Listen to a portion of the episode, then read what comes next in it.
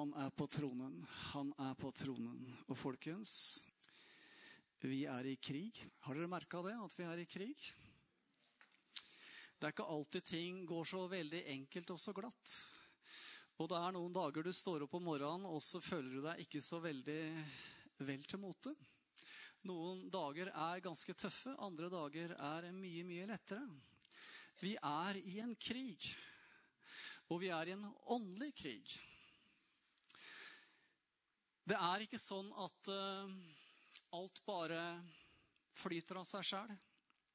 Det står i Jakob 4,7 at vi skal underordne oss Gud, men vi skal stå djevelen imot, og han skal flykte fra dere.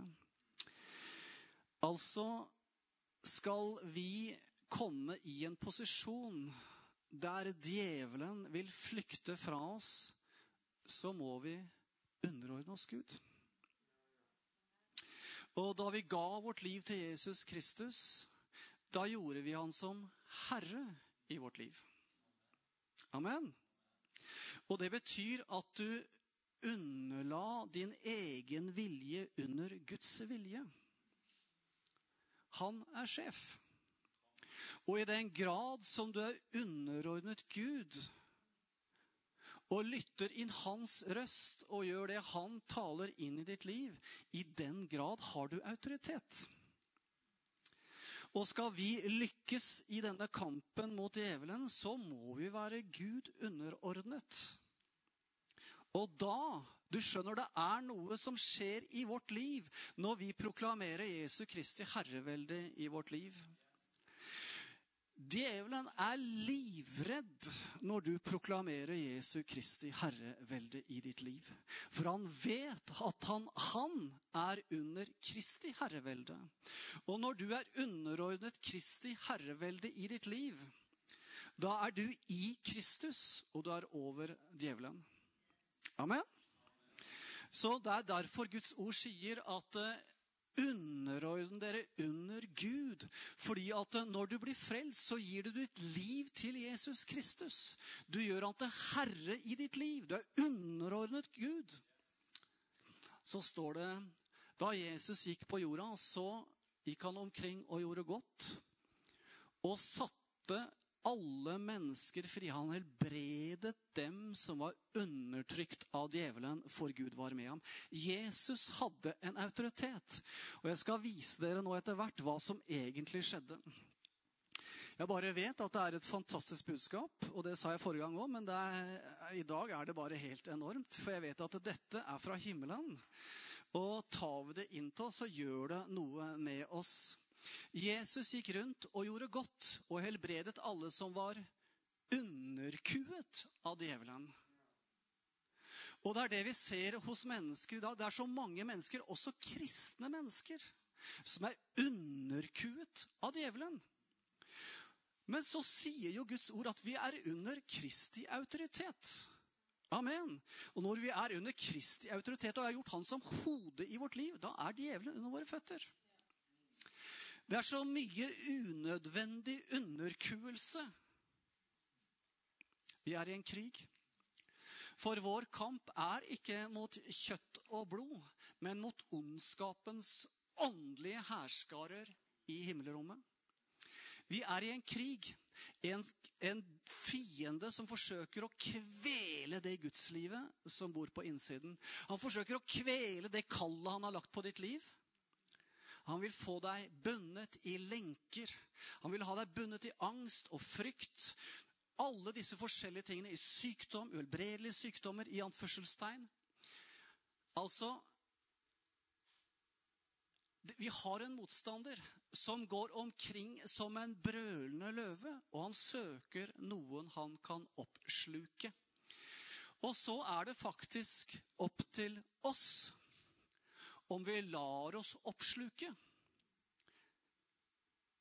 eller om vi tar autoritet.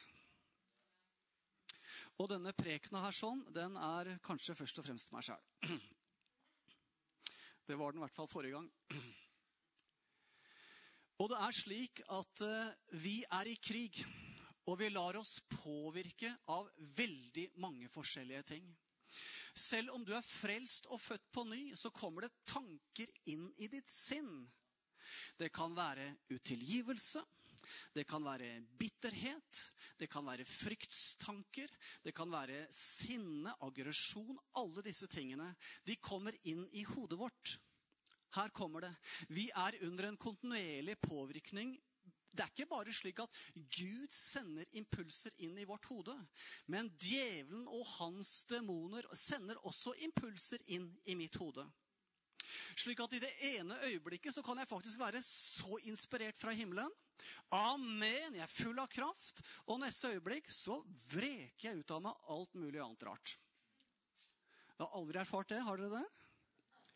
Altså, Vi er mennesker av kjøtt og blod, og vi lar oss påvirke, for vi står alle i denne krigen. Og Peter er jo det mest fantastiske eksempelet på det. Altså, Her spør Jesus disiplene hvem sier folk at jeg er? Ja, noen sier eh, døperen Johannes, som er stått opp fra de døde. Noen sier profeten Jesaja og det ene og det andre. Og så sier Jesus, men hvem sier dere at jeg er? Og så sier Peter, du er Messias, Guds levende sønn. Altså, hvor fikk han den påvirkningen fra? Fra himmelen. Fra Gud selv. Og så sier Jesus, salig er du, Peter. For dette har ikke kjøtt og blod åpenbart for deg, men min far som er i himmelen. Amen. Og så går det to sekunder, kanskje det går en time. Og så sier Jesus, 'Jeg skal lide og dø, men jeg skal stå opp igjen'. Og så tar Peter tak i ham og sier, sier, Peter til Jesus, det må aldri skje med deg, Jesus'. Og i neste øyeblikk så sier Jesus, 'Vik fra meg, Satan, du er til anstøt for meg'. Så i ene øyeblikk så lytter Peter inn en himmelsk tone. Og i neste øyeblikk så lytter han inn en tone fra helvete. Og vet du hva? Det er akkurat sånn med oss også. Vi står i en åndelig fight. Jeg ser mennesker som i det ene øyeblikket er så fylt av Den hellige ånd og et salvelse, og i neste øyeblikk så er de så kritiske og negative, så dømmende. Vet du hva? Det er ikke av Gud. Det er ikke fra himmelens Gud. Og som leder i en menighet så opplever du veldig mye rart av menneskelige reaksjoner. Og da må jeg passe meg så ikke jeg faller i samme fella, ikke sant? For det er ganske fort gjort. Fordi at vi er mennesker av kjøtt og blod, og vi møter disse tingene i oss selv og i hverandre.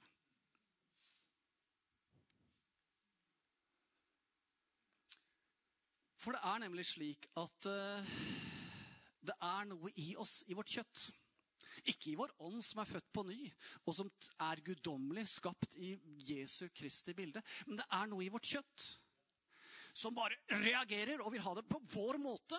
Og ikke skal du komme og fortelle meg hva jeg skal gjøre.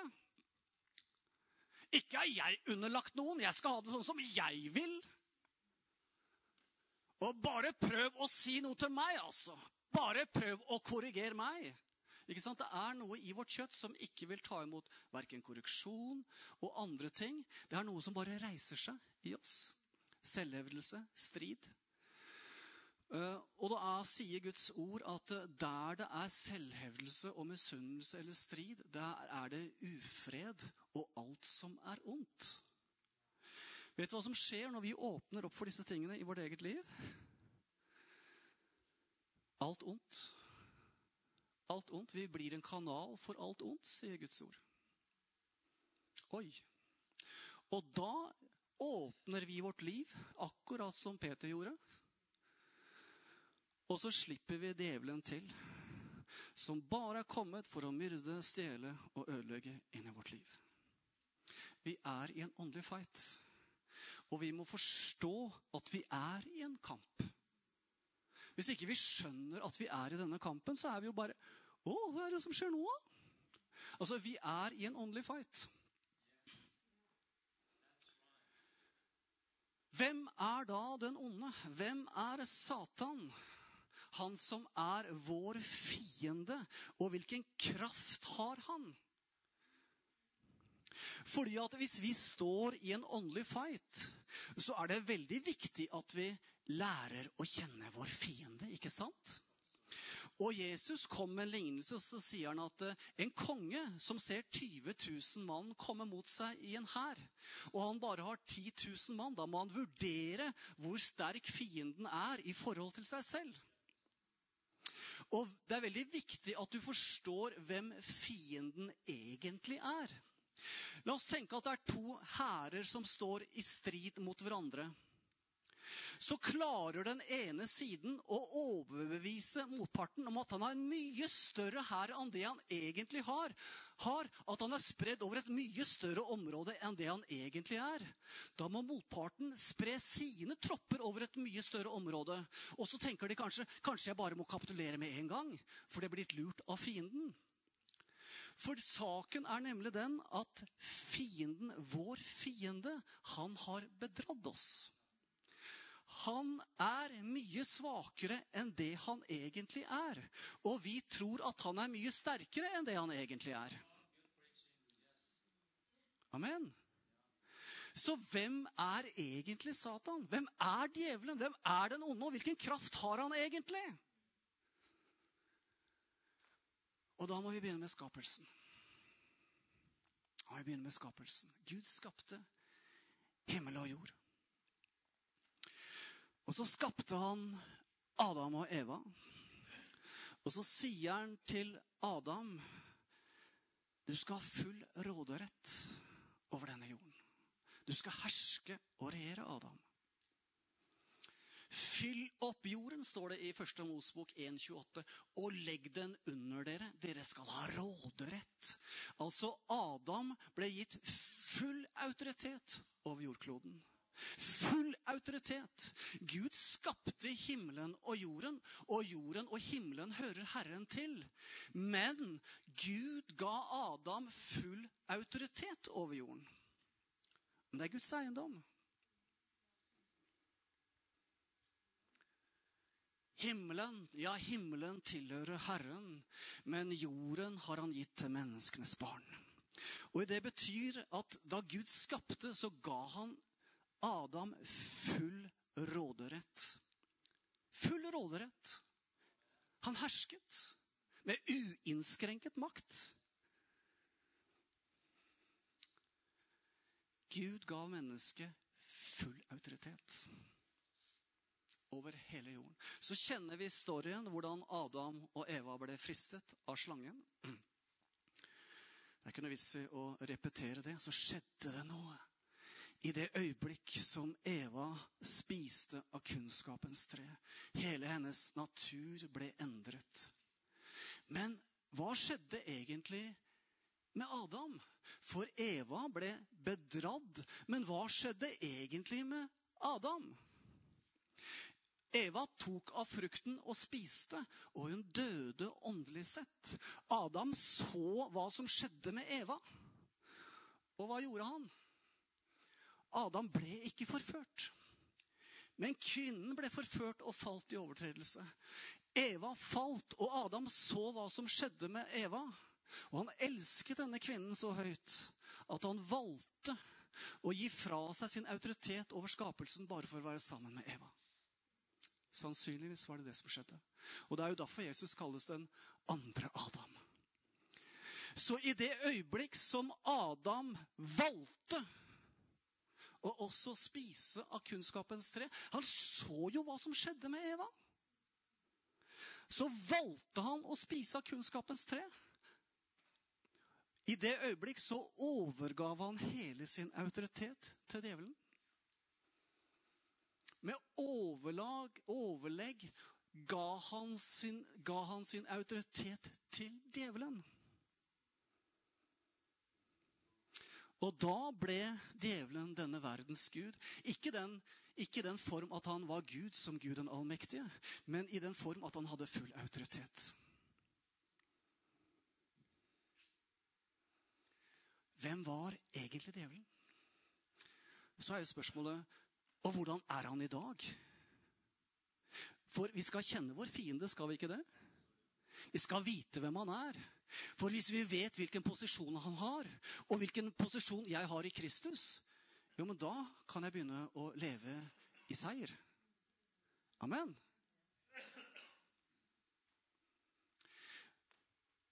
Djevelen var en engel. Han var en erkeengel. Og det er slik at da Gud skapte englene, så skapte han dem med en autoritet. Til å gjøre hva? Det står i Hebreerne 1,14.: Er det ikke tjenende ånder utsendt for å tjene dem som skal arve frelsen?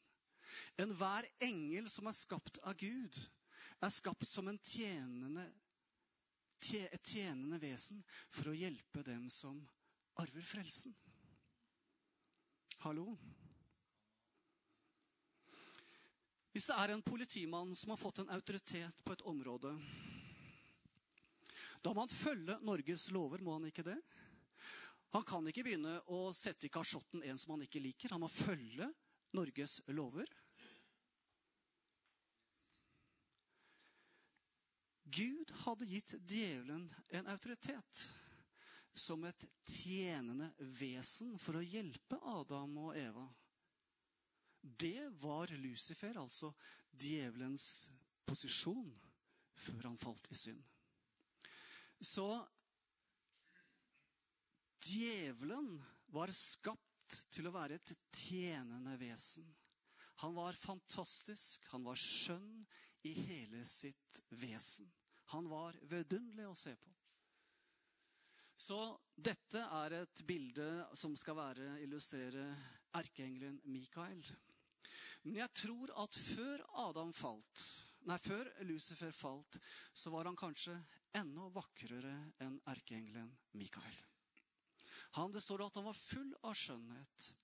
Han var så vakker. Han var så vakker. Men husk, han hadde en autoritet til å tjene Adam og Eva. Hvis en politimann går utover sin autoritet, så mister han sin autoritet. Fordi at eh, Norges lover er slik at en politimann har autoritet på visse områder. Han kan ikke gjøre hva han vil. Og Sånn var det også med djevelen. Og alle Guds engler de er skapt med autoritet på visse områder. De kan ikke gå utover det. Da bare, det er, da bare sitter Gud Dette har du ikke en autoritet til. Bare slapp av. Dette har du ingen autoritet til å gjøre. Hvem var Lucifer før han falt? Han var i Edens hage, står det i Esekel 28. Og Der står det en fantastisk beskrivelse. Du dekket deg med alle slags edelstener, rubiner, topas og diamant. Beryll, onyx og jaspis, safir, turkis og smaragd med gull. Håndverksarbeidet i dine innfatninger og smykker ble gjort i stand den dagen du ble skapt. Og her står det, Dette var musikkinstrumenter, er det på en måte oversatt i en del andre oversettelser. Du var en salvet kjerub med dekkende vinger. Jeg innsatte deg. Du var på Guds hellige berg. Du vandret blant glødende steiner.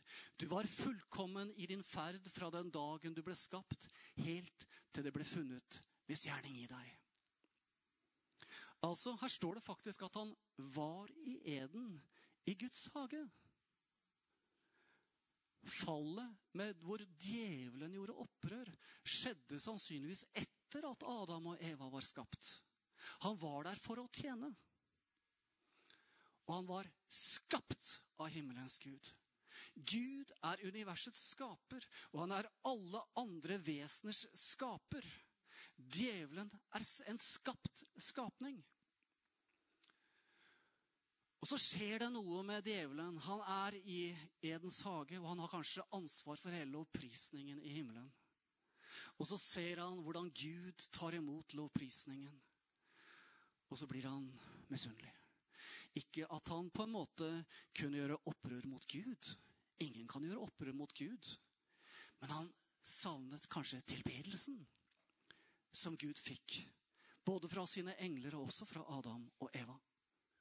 Og så sier han, 'Jeg vil bli lik den høyeste.' Ja, hvordan da? Jeg vil ha tilbedelse. Den tilbedelsen som Gud har, den vil også jeg ha. Så skjer det noe med djevelen. Det skjer noe med han. Og så lurer han Adam og Eva ved list og bedrag. Han tvang verken Eva eller Adam til fallet. Han lurte dem, lurte Eva med list og bedrag. For han hadde ikke noen autoritet til å tvinge Eva til fall. Han måtte ta det ved list og bedrag. Hva skjedde med Lucifer? Det var noe som skjedde. Vi vet ikke på en måte hvordan djevelen ser ut i dag. Men hele, hele hans engleprakt og herlighet forsvant. Vi vet at i det øyeblikk som Adam og Eva falt, så ble herligheten tatt bort fra dem, og de døde åndelig. Fallet for djevelen var kanskje enda større, eller i hvert fall like stort. Tenk det der bildet som dere så i stad, med erkeengelen Mikael med all sin prakt. Jeg tror at Lucifer var enda mer, enda vakrere, enda større, enda mer fantastisk. Så skjer det noe. Han blir fratatt sin herlighet. Vi vet ikke hvordan han ser ut i dag. Kanskje han ser sånn ut. Kanskje han er en mellomting mellom det vi så på det første bildet og dette bildet her sånn. Vet du hva? Han er fratatt all sin herlighet. Han er fratatt sin makt. Han er denne verdens gud, for den du legger deg under, den gjør du til herre i ditt liv. Amen.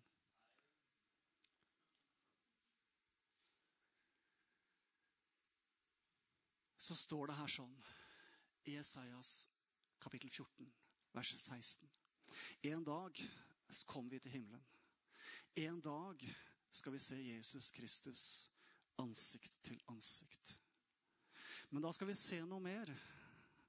Vi skal se hvem djevelen egentlig er. Og så står det her sånn Er dette mannen i vers 16? Er dette mannen som fikk jorden til å skake? Er dette mannen? Var han ikke noe mer? Var han ikke noe mer? Var han ikke noe mer? Var dette alt? Og han fryktet jeg. Han la jeg meg under. Jeg lot han bestemme i mitt liv. Hør nå. Da Adam overga sin autoritet til djevelen, ble Og da var det faktisk slik at eh, Adam var denne verdens gud i den forstand at han hadde full autoritet over hele jordkloden. I det øyeblikk som han ga autoriteten til djevelen, så var det han som ble denne verdens gud. Gud står alltid fast på sitt ord. Han holder hele universet oppe ved sitt ord. Altså, hans ord går ut, og det kan ikke dras tilbake. Og når Gud ga autoriteten til Adam og Eva, da kunne ikke Gud trekke den tilbake fordi at djevelen ble overgitt autoriteten. Så hva var Guds løsning? Gud hadde sagt at mennesket skulle råde. Hva var Guds løsning? Han måtte sende et menneske som var fullkomment, og som kunne ta autoriteten tilbake. Gud måtte bli menneske. For Gud hadde ved sitt eget ord bundet seg til å gi råderetten, autoriteten over hele jordkloden, til et menneske. Derfor måtte Gud komme som Jesus måtte komme som menneskesønnen. Menneskesønnen. Jeg vet ikke helt hvordan han så ut, men han var 100% menneske. Han var full av glede, han var full av fred. Han kom som et menneske. 100% Og han døde på korset som et menneske, men samtidig som sann Gud. Og fordi det ikke ble funnet synd i ham, fordi at han var fullkommen i all sin ferd fra første stund, var jo derfor han hadde autoritet når han vandret sammen med oss på jordkloden. For Gud hadde gitt autoriteten til mennesket. Og da Jesus kom som et sant menneske, så tok han autoriteten tilbake. I den tiden som han levde, i de 33 år, så levde han som et sant menneske. Og han bare talte til demoner. Og djevelen forsto at nå var det noen som hadde røvet min autoritet. Amen. Og Derfor så talte han til demonene, og de fløy ut av mennesker. Og 50% av de helbredelsene som Jesus gjorde, det var demoner som var årsak til det. Han hadde full autoritet, full kraft. Og hør nå Ikke bare det at han døde på det korset, Men da han døde, han kom til jordkloden, han kom ned på jordkloden som et sant menneske. Så døde han på det korset. Han gikk ned i dødsriket. Og ikke bare det at han hadde full autoritet på jordkloden, men da han kom ned i dødsriket, så hadde han den samme autoriteten i dødsriket. Amen. Ikke bare det at han kom som menneske og sann Gud fullkommen på denne kloden, men han gikk ned i dødsriket, og så hadde han fortsatt full autoritet, full kraft. Amen. Halleluja. For en mektig frelser vi har. Det er vår Gud. Så ble han tatt opp til himmelen. Sitter på tronen ved Faderens høyre hånd. Full av kraft!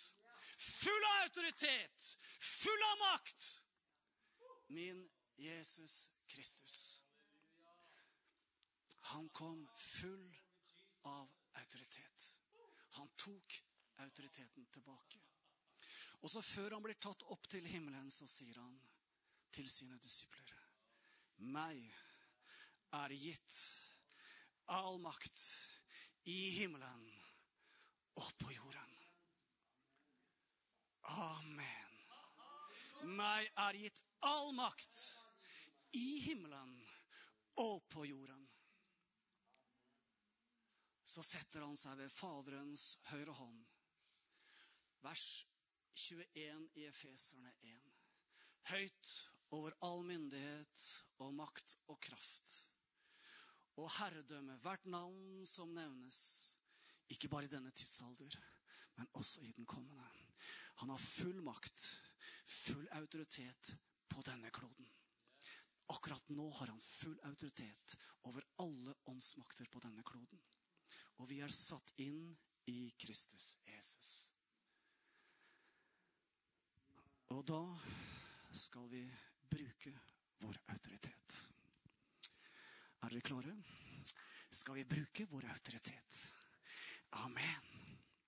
For vi er i Kristus Jesus. Og så lenge vi er i Kristus Jesus, så er vi satt sammen med Han i den himmelske verden. Og Hvis ikke dere fikk med dere den forrige undervisningen, så kan dere høre på den på nettet. Vi er satt i Kristus Jesus. Nå skal jeg fortelle dere en story for å illustrere den autoriteten som vi må bruke. Da Moses ledet Israels folk ut av Egypt Amen. Dette er Moses sin stav. Han ledet dem ut av Gosen. Så ledet han dem gjennom ørkenen, gjennom fjellandskapet. Så kom de ut til Rødehavet. Da var det fjell på begge sider. Foran var havet. Bak dem kom farao.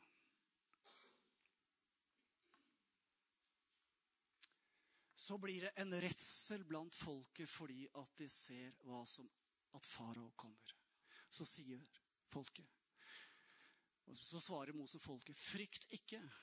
Dere skal bare stille dere opp og se Herrens frelse som han skal fullbyrde for dere i dag. For slik dere ser egypterne i dag, skal dere aldri i evighet se dem igjen. Herren skal stride for dere, og dere skal være stille. Herren sa til Moses, 'Hvorfor roper du til meg?' Hvorfor roper du til meg?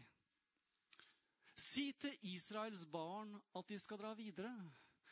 Men du skal løfte staven din, rekke hånden ut over havet og kløyve det. Israels barn skal gå midt mellom havet på tørr grunn. Hva skjedde egentlig? Dette er en fantastisk story fra Bibelen. Som viser noe som Gud har gjort ferdig. Samtidig så må vi bruke vår autoritet. Det var noe som var gjort ferdig gjennom Jesus Kristus. Da han døde på det korset, så tok han all synd, all sykdom, på seg. Det var noe som var gjort ferdig. Men vi må rekke hånden ut. Vi må ta vår autoritet.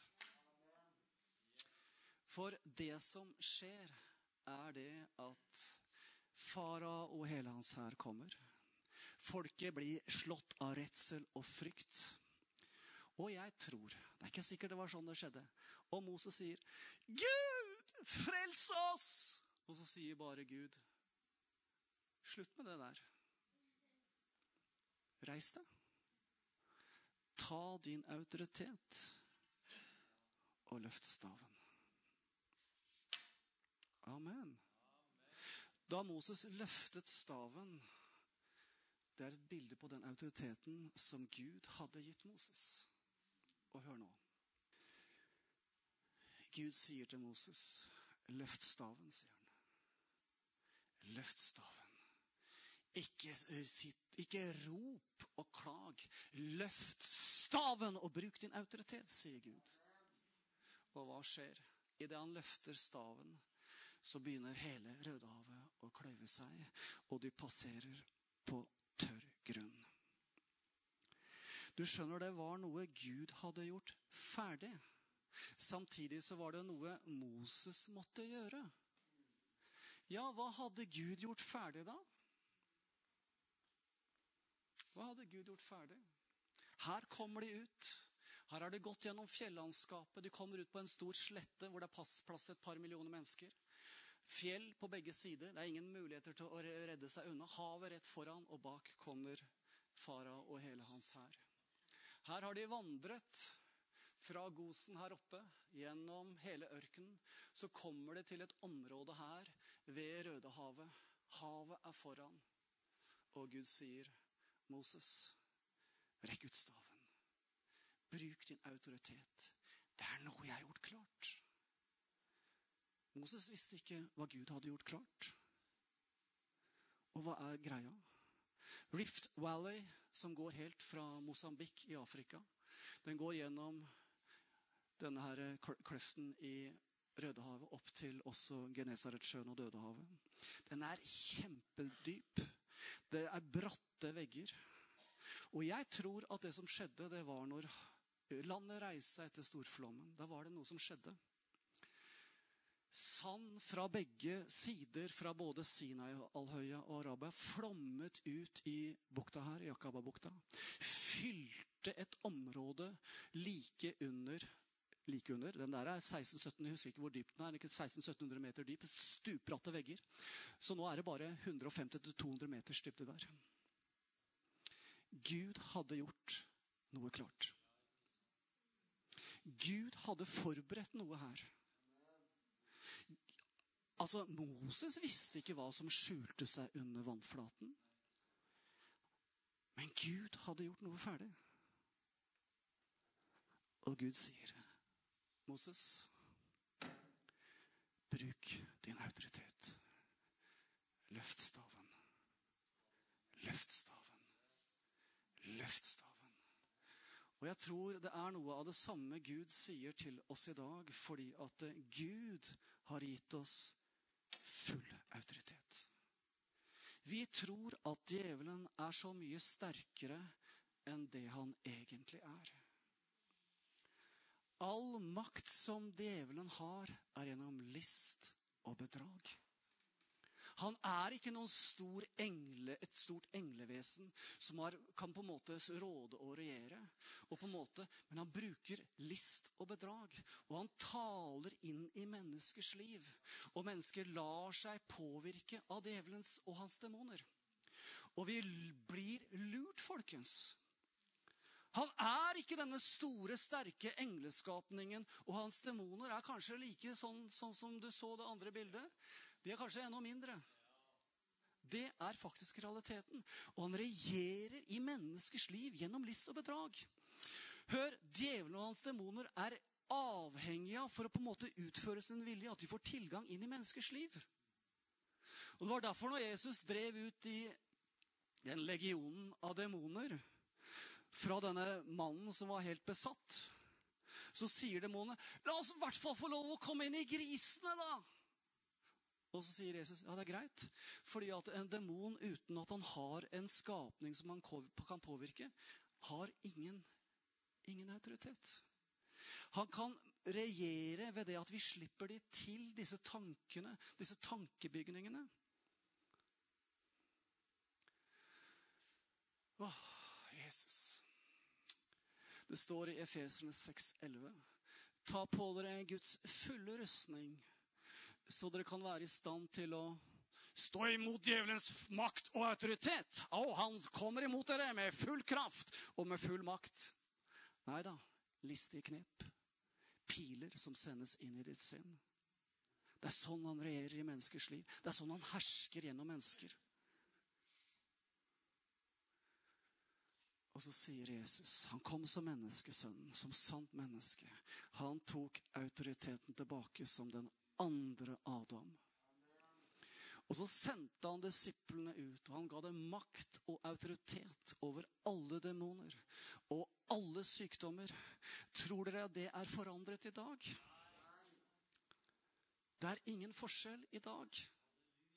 Det er ingen forskjell i dag. Vi har fortsatt den samme autoritet og makt som disiplene hadde. Og du vet at Vi stiller jo egentlig mye sterkere enn disiplene. For nå er vi født på ny, og Den hellige ånd bor på innsiden av oss. Det hadde jo ikke disiplene. Og Jesus sa, 'Meg er gitt all makt i himmelen og på jorden'. Gå derfor ut, altså fordi at han er gitt all makt, og fordi at vi har gjort ham til herre i vårt liv, så har vi fått den samme makt og autoritet. Og så sier han, derfor skal dere gå ut og gjøre alle folkeslag til disipler. Idet dere døper dem til Faderen og Sønnens og Den hellige ånds navn, og lærer dem å holde alt jeg har befalt dere, og se, jeg er med dere alle dager inntil tidsaldrenes ende. Amen. Dette er realiteter, folkens. Dette er realitetene. Og måtte vi bare forstå hva vi har fått. Og Det er derfor Jesus, nei, Peter, eh, Paulus ber Å Gud, gi dem åpenbaringsånd. Så dere forstår, så dere forstår hvilken mektig kraft som er i dem her. Den samme kraft som Jesus ble oppreist fra de døde den er i oss. Gjennom det at vi underordner oss Jesu Kristi herrevelde i vårt liv. Det er fantastisk. Jeg må si det at uh, jeg var så inspirert når jeg hørte Jørn Strand preka der nede på Hove om Herren som majestet. Fordi at uh, Saken er nemlig den at uh, når du gjør Jesus til herre i ditt liv, så gir du han faktisk full autoritet over livet ditt. Og i den grad som vi overlater vårt liv til han og gir han autoritet, så har vi autoritet. Du vil ikke ha autoritet hvis ikke du er underlagt autoritet. Noen vil gjerne kjøre det bare på sin måte. Jeg gjør som jeg vil. Bare glem det. Du har ingen autoritet. Det er som en soldat i felten som gjør opprør mot sin, sin, sitt befal, eller en politimann som gjør opprør mot sine overordnede. Du har ingen autoritet. Skal du ha autoritet, så er det ikke bare slik at du underordner deg Gud, men du underordner deg faktisk et lederskap også. Og Det står at kvinnen skal underordne seg sin mann. Det er en gjensidig underordning, men kvinnen skal underordne seg sin mann. Faktisk så står det. Det er en del prinsipper i Guds ord som ikke vi kan hoppe bukk over. Og mannen skal elske sin kone som Kristus elsket menigheten. Så mannfolk, vi har en jobb å gjøre. Og dette klarer vi ikke oss selv. Vi er totalt avhengig av Den hellige ånd i dette her. sånn. Men skal vi ha autoritet, så må vi være underordnet autoritet. Nytter ikke å kjøre ditt eget løp. Sorry, people. Det er ikke sånn det funker. Så sier Jørn mens han er der nede du, Vi må bare forstå at vi må gjøre Jesus Kristus til herre i vårt liv. Han er mesteren. Han er mest, herrenes herre, kongenes konge. Bare helt vidunderlig. Men hør nå. Det er ikke bare det at han er min herre, men han er universets herre. Han har all makt i himmel og på jord. Amen. Og det er når vi forstår hans storhet og herlighet og underlegger oss den, at vi kan leve i den samme floden. Amen.